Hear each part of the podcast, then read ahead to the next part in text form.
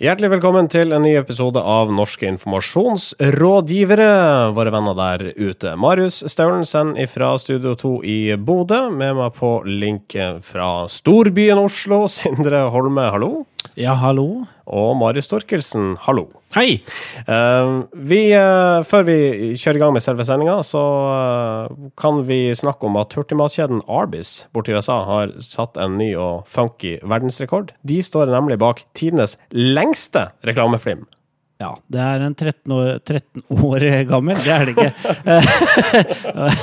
Nei, jævlig lang. Ja, det føltes sånn. Jeg så litt på den. Den er 13 timer lang. Hvor de egentlig løftet et kjøttstykke inn i en, i en sånn røyker, eller sånn type komfyr, mm. hvor man røyker kjøtt. Og så ble det stående der da, og røyke. Formålet med det er jo ikke det at folk skal sitte og se 13 timer film. Formålet er bare det som, at folk skal få ja, Sorry, Sindre. Uh, selv om det har Sindre gjort. Formålet må jo være det at folk skal få et bevisst forhold til at det tar uh, jævla lang tid å lage gode burgere. Uh, eller, eller lage, middels, lage, middels, gode burgere. Uh, selv det tar jævla lang tid. ikke 13 timer. Altså, du går ikke på Arbis. Ja, ta tar en burger, jeg. Jeg kan tilbake i morgen. Ja, ikke sant? Jeg gidder ikke å dra dit. Det tar 13 timer.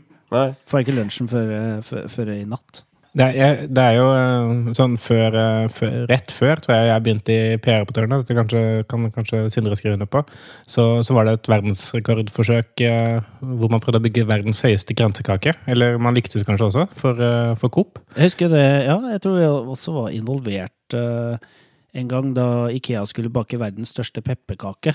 Men for å liksom virkelig gjøre den rekorden veldig bra, så flydde de faktisk inn verdens høyeste mann.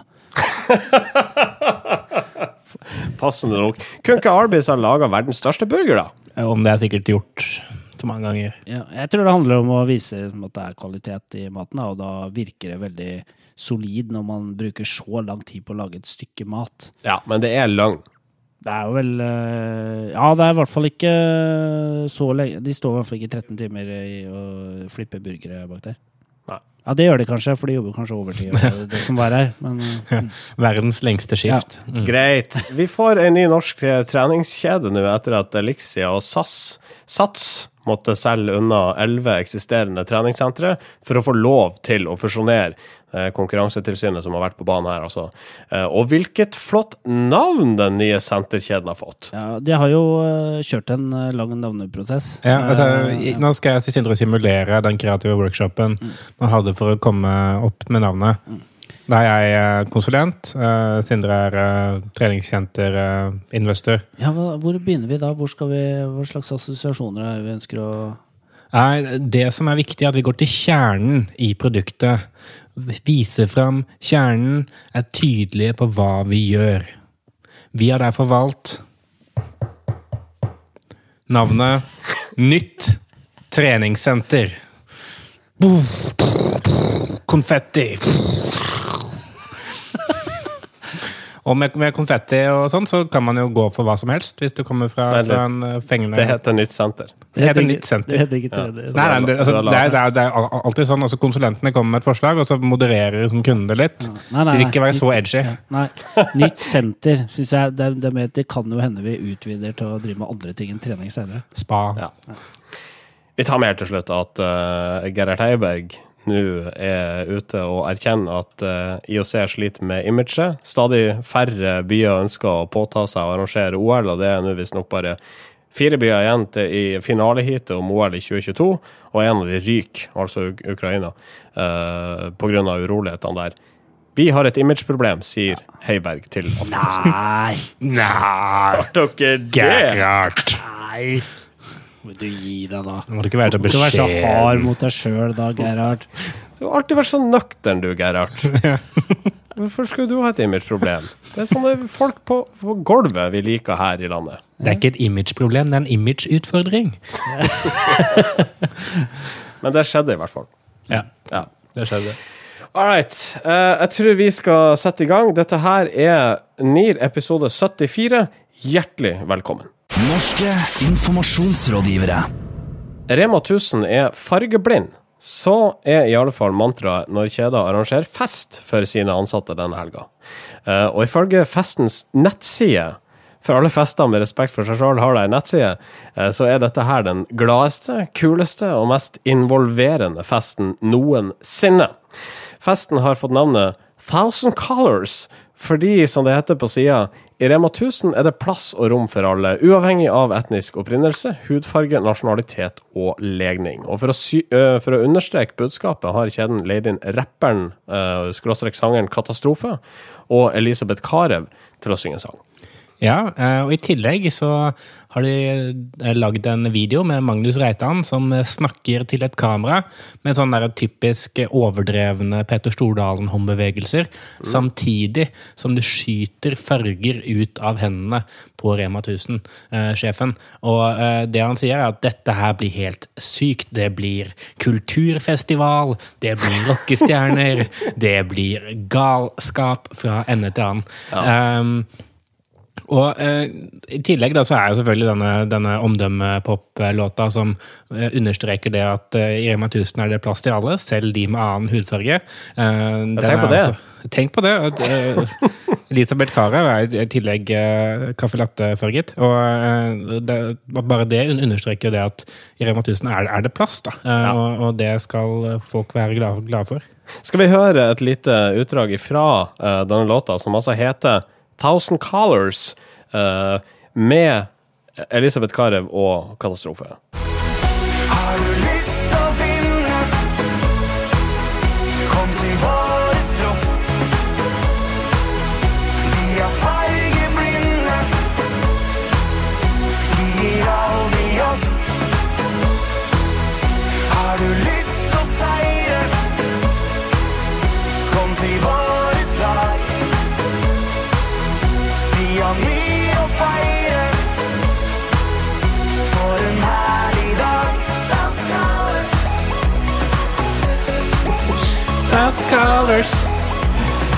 Thousand Colors der, eh, det er altså Elisabeth Carew og Katastrofe som har laga sangen. Det er Natt og Dag som eh, omtaler denne saken. Eh, og Natt og Dag skriver vi er ikke helt sikre på hva som har skjedd som har gitt Rema 1000 slikt behov på å insistere at de ikke diskriminerer. Og det undres vel vi også på. Ja, vi gjør det. Det her er sånn, eh, viser jo egentlig der, eh, at Rema er litt sånn egen kult, egentlig. Eh, det er jo ganske mange Rema, men jeg syns det virker litt sånn litt sånn overilt, på en måte, å snakke om liksom fargerikt fellesskap, eller hva de snakker om, eller at de er fargeblinde. Det, det virker sånn veldig politisk korrekt, da. Skjønner ikke helt hvorfor de snakker om akkurat det. Nei, jeg tenker at det skulle bare mangle. sånn, mm. det å, å på en måte fremheve det, og på en måte prøve å differensiere seg som liksom Et slags ikke-rasistisk alternativ til f.eks. Coop. Ja, ikke sant? Eh, Og, og de har jo hatt et stikk til Coop da, i, i denne sangen. Eh, fordi Katastrofe rapper noe sånt som eh, 'Vi gir Coop rematisme'. Eh, Ja, men, men, men sånn sett kan jeg jo si at det er litt sånn eh, eh, annerledes. Altså Tine er jo Ja, det er mange av de store aktørene som er veldig glad i å si at de er norske. Gilde har gjerne, henter gjerne inn en bonde fra, fra Sogn et eller annet sted for at det skal snakke uforståelig på norsk TV, sånn at man eh, skjønner at eh, det her er bare norsk kjøtt. Eh, sånn sett så er det jo, er det jo greit, men det, det virker som det er noe vi liksom Trenger vi å snakke om det, liksom? Ja, for det, det er et eller annet sånn Barna Regnbuen-vibba over det hele her. Eh, Ja, det er den der politiske korrektheten. Den der om at eh, her er vi eh, Holder vi hender og, og liksom eh, Alt er fryd og gammen, da. Det er litt sånn eh, Ja, det er litt sånn kult eh, over det. Litt sånn eh, Nord-Korea med en litt sånn annen twist, da. Eh, Men, men det, dette er et veldig sånn godt eksempel på når man prøver å liksom skape en virksomhetskultur sånn veldig ovenfra og ned. Altså, det er ikke sånn at man, man tar ikke utgangspunkt i noe som er veldig sterkt i virksomheten og sånn fremhever det. Man tar noe, så bare presser man det ned på liksom, alle ansatte med en kickoff og kulturfestival og uh, cool rap fra, fra Plankeby-rapperen Katastrofe. Eh, og, Vi er inkluderende! Ja, jeg, må, jeg må si Vi det er jo aksepterer fargede på Rema. Thousand Colors. La, la meg få lese noe her. Noen av oss er vokst opp i butikk og vet ikke om annet. Andre bare trivdes og ble. Vi er ufaglærte og høyt utdannede. Vi er friske og flinke, og noen ganger syke. Og, og, og dette er jo veldig, veldig, veldig lett å le av. Eh, sånn, altså det er fordi, fordi det er så corny, og det er så teit, og, og, så videre. Men, men eh, man skal ikke se bort fra at mange av de som jobber i Rema 1000, setter pris på det. De det altså, først og fremst fordi de syns det kanskje er kult med en fest, da, hvor det kan lokke stjerner. Altså, sånn, eh, Det blir sikkert en kul fest. Ja, jeg tenker jeg ser for meg at sånn type Donkeyboy kommer sikkert, for de stiller alltid opp på sånne, sånne type ting. Og eh, ja, Nico og Vince. kanskje Nico og. Vince de skal jo komme. Og vet du hvem som kommer til å liksom, sikkert stå forrest på scenen og klappe litt sånn awkward? Det er Magnus Reitan. Uh, han kommer til å være senter mellom liksom, Elisabeth Carew og Katastrofe. Og det kommer det også til å bli. Det, er litt sånn, det blir litt sånn som å se Jeg vet ikke om dere husker hvert år når, eh, når Moldejazzen eh, åpner, så er det en sånn eh, gammel mann med en paraply som går forrest i toget, og så går alltid statsministeren eller kulturministeren siden av og skal prøve å klappe i takt. Og det funker for aldri. Det, det er sånn jeg ser for meg det her. Det her kommer til å være veldig sånn der stakkato klatt, eh, klapping, liksom, som overhodet ikke er i synk. Ja. Synk. Jeg tror eh, Rema 1000 har forutsett at det kommer til å bli litt corny, og derfor må alle legge fra seg mobilene eh, ved døra. Ja. Eh, men eh, skal vi driste oss på en tommel opp eller tommel ned for Thousand Colors eh, kampanje skråstrek fest? Jeg, eh, jeg vet at dette er, blir surmaga kommunikasjonsrådgiver-følelse, men jeg gir tommel ned. Altså. Ja. Ja, er, jeg gir tommel ned, jeg, også. Norske informasjonsrådgivere. Journalister som ikke har en såkalt digital kompetanse, bør få sparken. Så mener i alle fall åtte av ti medlemmer i noe som heter NONA, Norwegian Online News Association. Dette kommer fram i det som omtales som Netthodeundersøkelsen, utført av Arne Krumsvik ved Høgskolen i Oslo og Akershus. Nona er en, en faglig ikke-kommersiell forening eh, som eh, jobber eh, for eh, interessene til de som er spesielt opptatt av digitale medier i Norge. Eh, de som tidligere kun var eh, sosiale medier-guruer, er nå organisert, og de har ikke tenkt å legge seg ned. Eh, og Nona det er da, de har annet konferanser og fagsamlinger og sikkert en sånn tweet-ups eh, nå og da. Eh, og, og de som da er assosiert med Nona, de eh, mener altså at eh, folk som ikke kan noe om, om digitale medier, da spesielt journalister selvfølgelig, de bør rett og slett ikke få lov å ha jobb. Altså, det er vanlig liksom Man tenker på journalister som skrivende veldig ofte, men uh, nå bygger jo uh, avisene opp uh, TV-stasjoner, og, og, og i tillegg så er det det her med å dele innhold er jo blitt kjempeviktig. Vi var jo inne på det når vi snakka om New York Times i, eh, for noen sendinger tilbake. Det Det her med at journalistene selv er flinke til å dele sitt innhold, det er kjempeviktig for å få trafikk. Eh, Og trafikk, det er jo det avisene lever av. Men kan ikke noen andre gjøre det? Altså Hvis uh, du har en fyr som er, eller, eller en kvinne, som er svært dyktig i sitt virke, og det finnes nok en del av de uh, rundt om i både riks- og regionale og lokale redaksjoner. Uh, de er kjempegode å skrive, men de behersker kanskje ikke Twitter så veldig godt. Kan ikke noen andre bare dele innholdet deres, som Jo. sikkert er mye bedre enn mye av det som skapes av de digitale hodene? Jo, altså, det må, bare, det må bare bli sagt at det er sykt mye lettere å lære seg digitale medier enn det er å være en uh, god journalist. Eh, altså, sånn, det, er, det er ikke sammenlignbart engang. Sånn, uh, og og, det, jeg syns at hele den at spørsmålet i seg selv da, er litt sånn ledende. Selvfølgelig så vil jo de som jobber med nettjournalistikk og sånn i Norge, mene at eh, det er den kompetansen som er viktig. Men det er jo ekstremt mange digitale eksperter som er sykt dårlige til å skrive. Eh, og så er det veldig mange veldig flinke journalister som blir publisert uansett, da, for de har folk som kan gjøre det for seg. Og det, det er en ordning som funker greit for meg som leser, i hvert fall.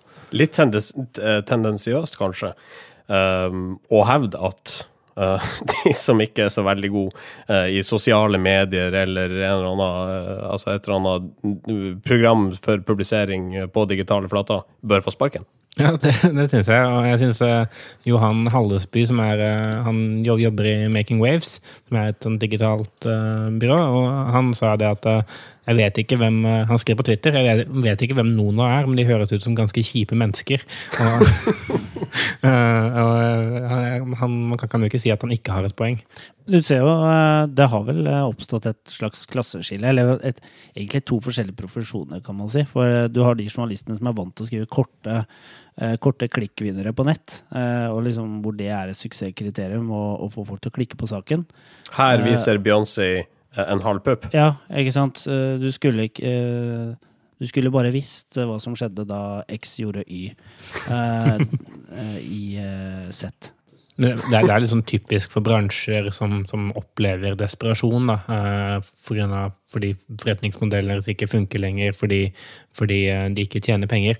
Altså sånn, Det blir en sånn overkorreksjon da, sånn, fra det å være eh, gode på nyheter, gode på innhold.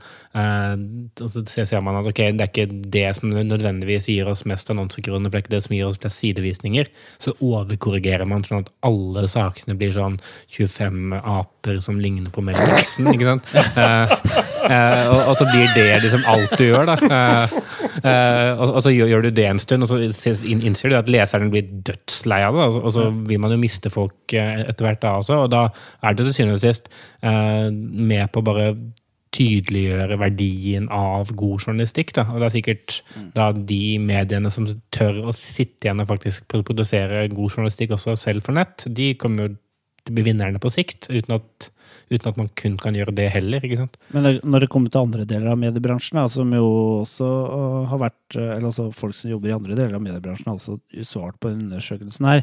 Så vi vet jo ikke hvem som er At det er veldig mange journalister, eksempel, som har ment dette her, eller om det er folk som jobber i mediebyråer eller, Mm. eller uh, utviklerselskap. Hvis du jobber i et utviklerbyrå, uh, så vil jeg tro at eh, det er ganske ja, Folk er ganske enige om da, at hvis du, er liksom, uh, hvis du ikke ønsker å bli digital, så, uh, så sliter du litt. Ja, og, og, og så er det jo sånn at det, det er sånn det er, det er ikke noe sammenheng mellom at alle papirjournalister er flinke til å skrive. Sånn, altså, det, er jo, det er jo minst like mange papirjournalister som er dårlige på å skrive også.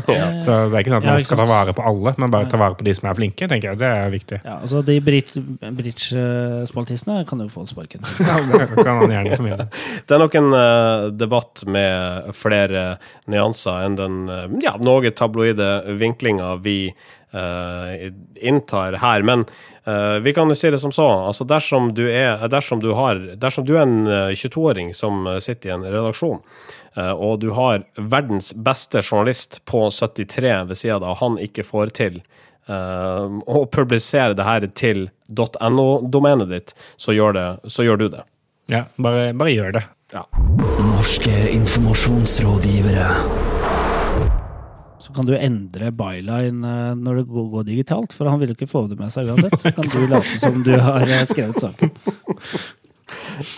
Ok. Eh, Nå skal vi til uh, regjeringa som vil slanke den norske befolkning. Ifølge VG så skal de blå-blå, med helseminister Bent Høie i spissen, opprette ei næringslivsgruppe som skal komme med konkrete tiltak for å få ned bruken av fett, salt og sukker. Uh, og nå er det klart at sjølveste Rimi Hagen skal bli slankerådgiver for Høie og co.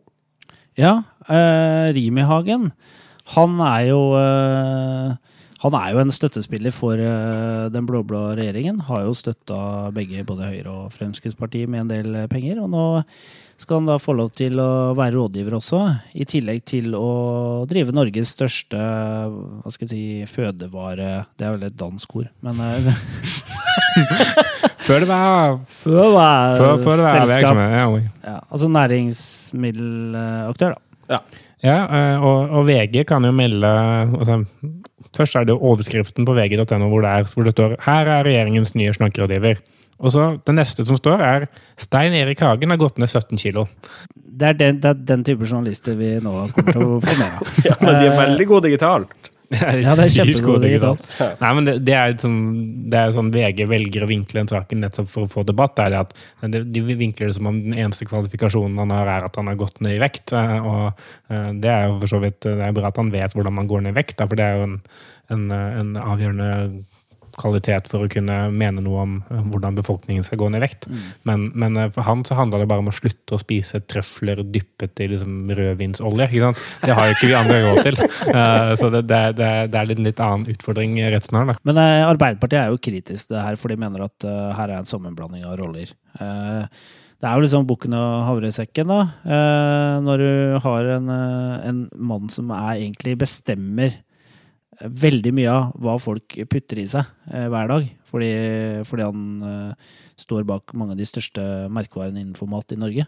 Eh, skal da også på en måte være med å utforme politikk på det området. Så jeg syns det er veldig rart at han har fått en sånn rolle. Og, og, og så er det jo det er sånn, det er, det er jo selvfølgelig tydelig at hvis eh, noen kan påvirke det norske folk til å spise sunnere, så er det jo, er det jo selvfølgelig på en måte Orkla som, som er, som er eh, forfekteren av usunn mat, med liksom både Grandiosa og Kims og uh, hva nå enn det er i, i, i stallen.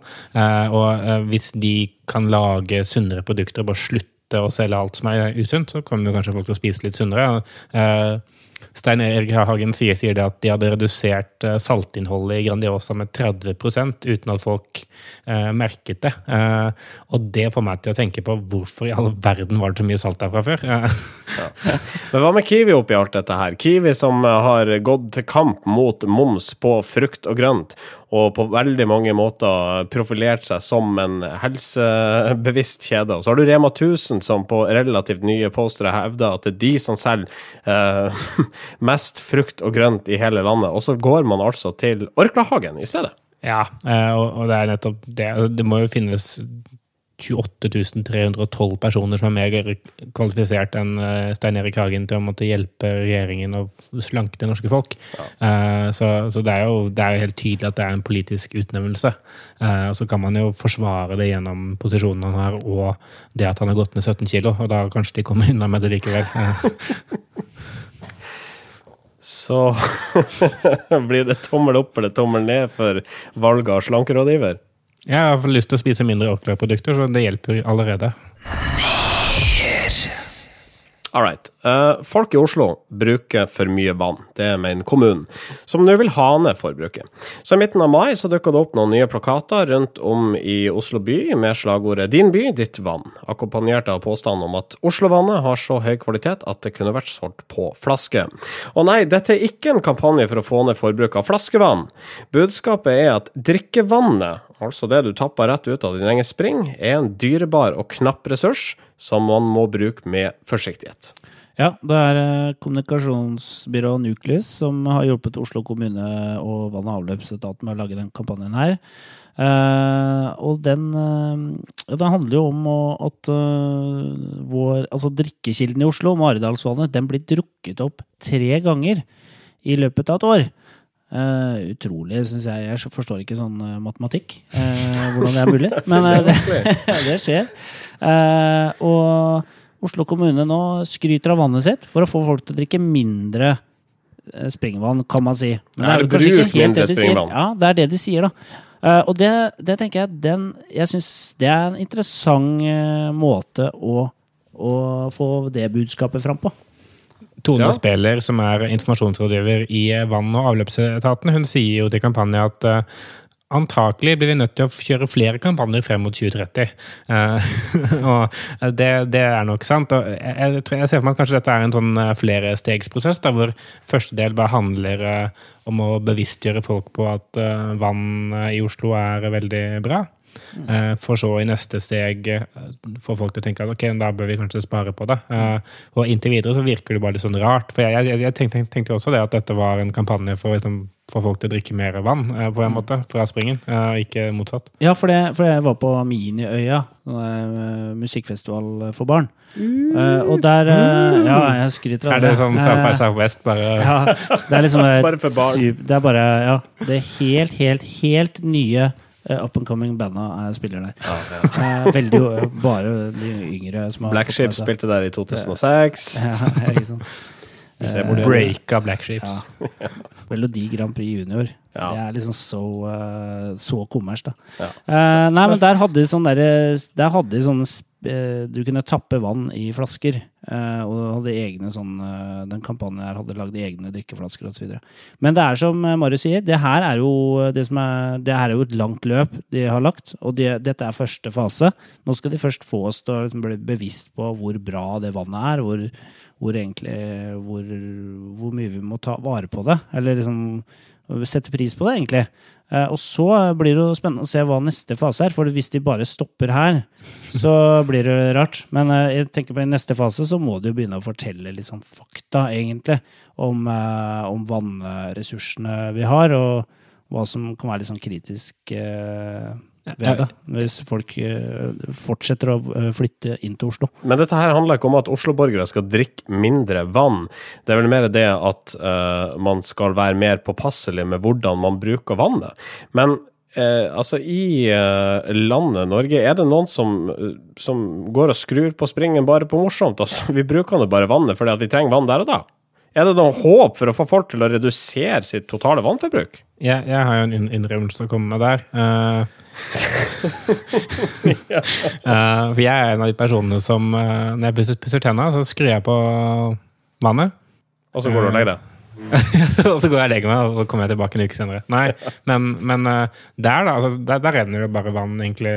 Det har ingen funksjon. Bare at det er sånn litt lettere når jeg skal ta tannbørsten under eh, springen igjen, så er det litt lettere å, å få den våt. Men jeg må ikke skru på en gang til. og Jeg har også en eh, innrømmelse her. Altså, jeg syns det er veldig beroligende med rennende vann. Altså, Når du er på do? jeg synes jeg, ja, sånn at jeg, nei, jeg lar døra stoppe, varmekablene på fullt, og, og lar vannet skylle ned i sluket, eh, mens jeg sovner til den deilig sildrende lyden av vannet. Hvor blir det av vannet? Altså, Maridalsvannet brukes tre ganger opp i løpet av et år. Når du, eh, Marius, står og sløser med vannet når du pusser tenner, Ja. eller som eh, i hvert fall vi her i Bodø sier, pusser tenner, eh, det er jo ikke sånn at vannet forsvinner ut, av, ut i det blå. Det drar ut av havet, og så skjer det et eller annet, og så kommer det, det- en sky, det og så regner det ned i. Maridalsvannet. Det går jo bokstavelig talt ut i det blå. Mm. Ja, til slutt! Men så går det ned i Maridalsvannet igjen. Ja, det Ja, gjør det det. det. Så ja. Nei, det er for så vidt sant. Det spiller ikke noen rolle. Nei, jeg har ingenting å si. Jeg skjønner ikke. Men vi, vi er ikke eksperter på vann. Nei, Nei, eh, vi er, vi er ekspert på mye. Ja. Ikke vann. det er ikke en vann- og avløpspodkast. Ikke det. Men det var en god idé. Det kan vi selge inn. Ja, det var selge inn. Men eh, altså, eh, nå har det Det her har nå skjedd. Eh, hva blir neste skjedde. steg for eh, vann- og avløpsetaten i Oslo kommune? Er, altså, neste steg, sånn dramaturgisk sett altså, Nå har de jo sagt at vann er verdifullt, og folk eh, tror på det. Og så må de jo da fortelle at det er faktisk knapphet på det. For jeg tenker at det er evig vann. Det, er, altså, ja, det kommer til å være der. Så i hvert fall, jeg kommer til å leve kort, kortere enn en Maridalsvannet, så jeg er ikke så bekymra. Men, men uh, hvis de måtte klare å overbevise folk om at dette vannet som er så verdifullt, det er faktisk uh, ditt uh, i knapphet, så kanskje folk begynner å tenke seg om litt. Ja. Og det neste steget er nå å prøve å unngå å forurense alt vann i Oslo kommune. For det har de klart å gjøre et par ganger de siste åra. Ja, det er- det er jo de selv, egentlig. Så sånn intern eh, holdningskampanje hadde vel kanskje vært uh, mer nyttig. Ja. Uh, neste steget her blir da klare oppfordringer om, å, om heller å drikke vann kjøpt på flaske.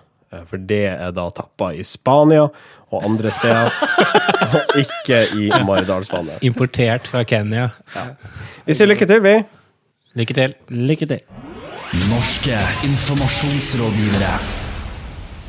PR det står for Public Relations, eh, og har, som forkortelsen indikerer, med å gjøre eh, hvordan man forholder seg til og snakker med omverdenen.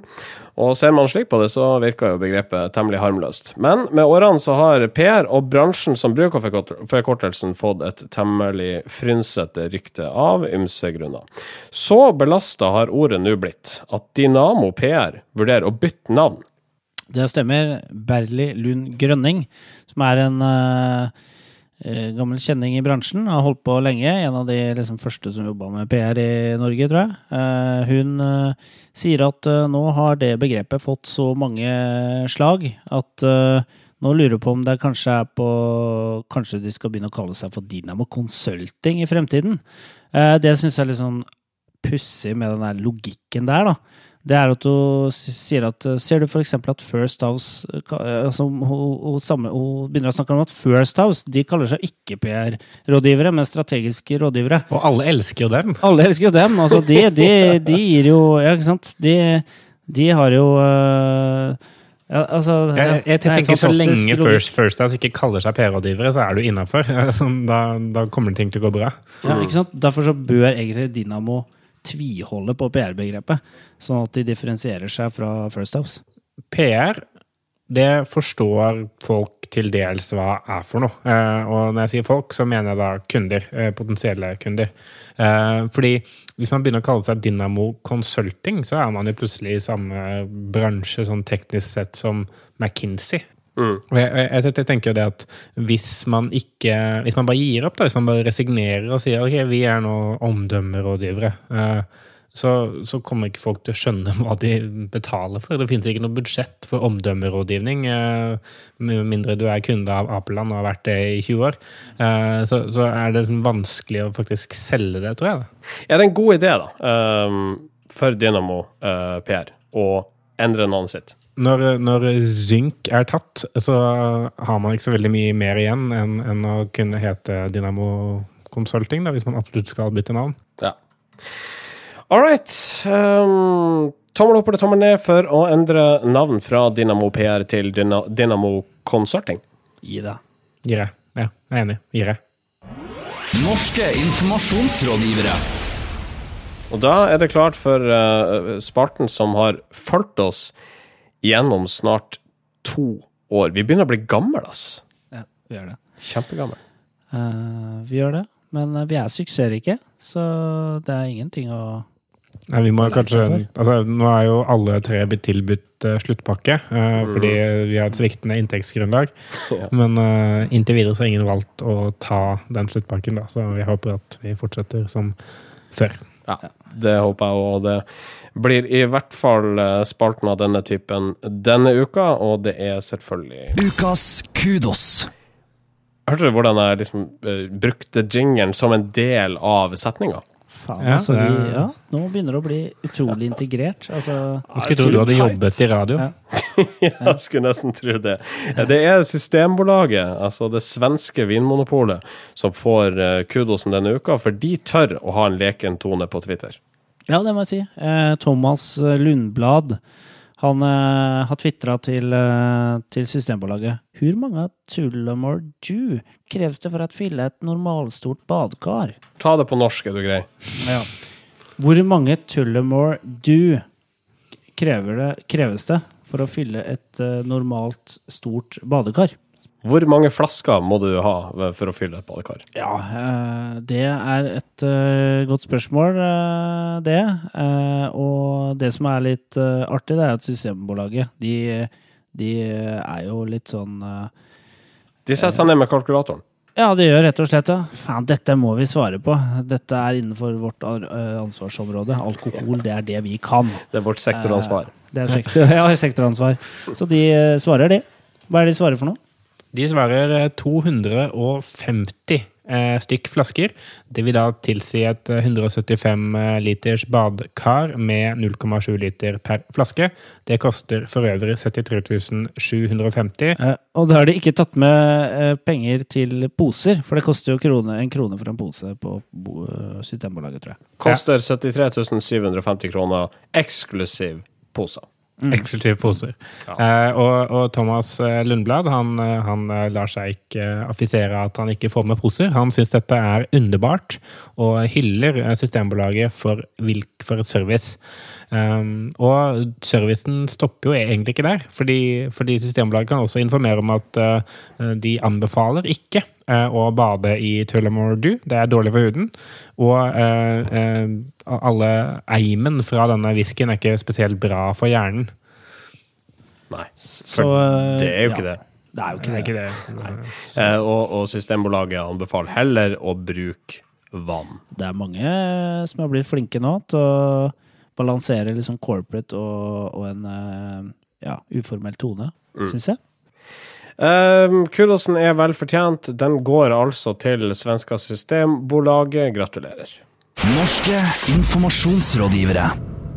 Vi eh, rakk ikke å komme oss innom at eh, HP Hansen har slutta i Gelmuden Det har rysta grunnvollene i eh, eh, Ja. Hva er egentlig en grunnvoll? Det er jeg ser alltid for meg at det er, grunn, at det er grunnmur, men, men en voll er, er ikke det en slags, sånn, en slags Det er det er eh, ut- jordhaug? Det er jo det som er utafor muren, egentlig. Ja. Ja. Så det er Så det er noe grunnen i volden igjen, da. eh, Grunnvollen, ja. Så det, det, det, det er Det fundamentet, det det som ligger i bunnen.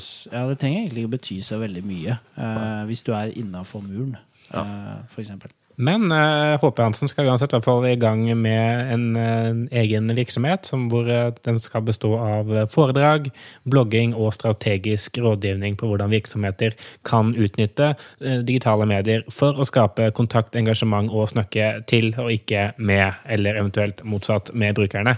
Og hvis man har lyst til å følge dette, så har han selvfølgelig en egen hashtag. Det er hashtag gründerliv. Og det skulle ikke forundre meg om han også kommer til å bli kronikør etter hvert. eh, For nå har han jo fått enda mer tid. Eller det har han jo kanskje vært lenge. Han har jo skrevet om Ja, ja. eh, litt av hvert, han. Eh, Så det er vel det Norge det er, det, Jeg tipper at altså, det er jo det Norge kommer, skal leve av etter olja, tror jeg. Det er H.P. Hansen. foredrags... Ja, H.P. Hansen. Ja, det det Så vi følger nøye med nå. Ja, vi, vi putter all vår tiltro til deg, Håpe Hansen. Du er Norges fremtid. Jeg vil bare legge til eh, kudos for å ha fått dette sitatet på trykk i kampanje. Jeg håper jeg lykkes. Jeg tror jeg lykkes. Jeg vil lykkes. Jeg, ko, jeg kom, jeg så, jeg vant. Det er litt, litt sånn Cæsar-aktig, ikke det? Jeg håper, jeg tror, jeg vil. det. litt mer sånn nølende Cæsar. Jeg er ikke så sikker på at jeg Jeg, Jeg håper kom jeg vinner kanskje- krigen. Jeg tror jeg vinner krigen. Ja, helst bør jeg vinne krigen. Det blir skikkelig dumt. Lykke til, eh, Hans Petter Nygaard eh, Hansen. Eh, Vi tar også med at en av NRKs mest kjente fjes Vi må vel kunne si det så. Ragnhild Sæltun Fjørtoft. Ja, Hun blir nå pensjonist. Ja, jeg har holdt på her siden 60-tallet og sagt hallo på Ja. TV. Ja. En av de mest kjente hallo-damene vi har.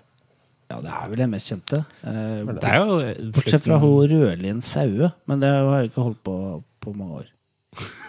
Men, men jeg tror sånne folk som det, når de dør, kom, går de igjen som hjemferdig på Marienlyst? Altså, jeg mener, det finnes Dette her er usaklig. Hallo Ja, det var- Hallo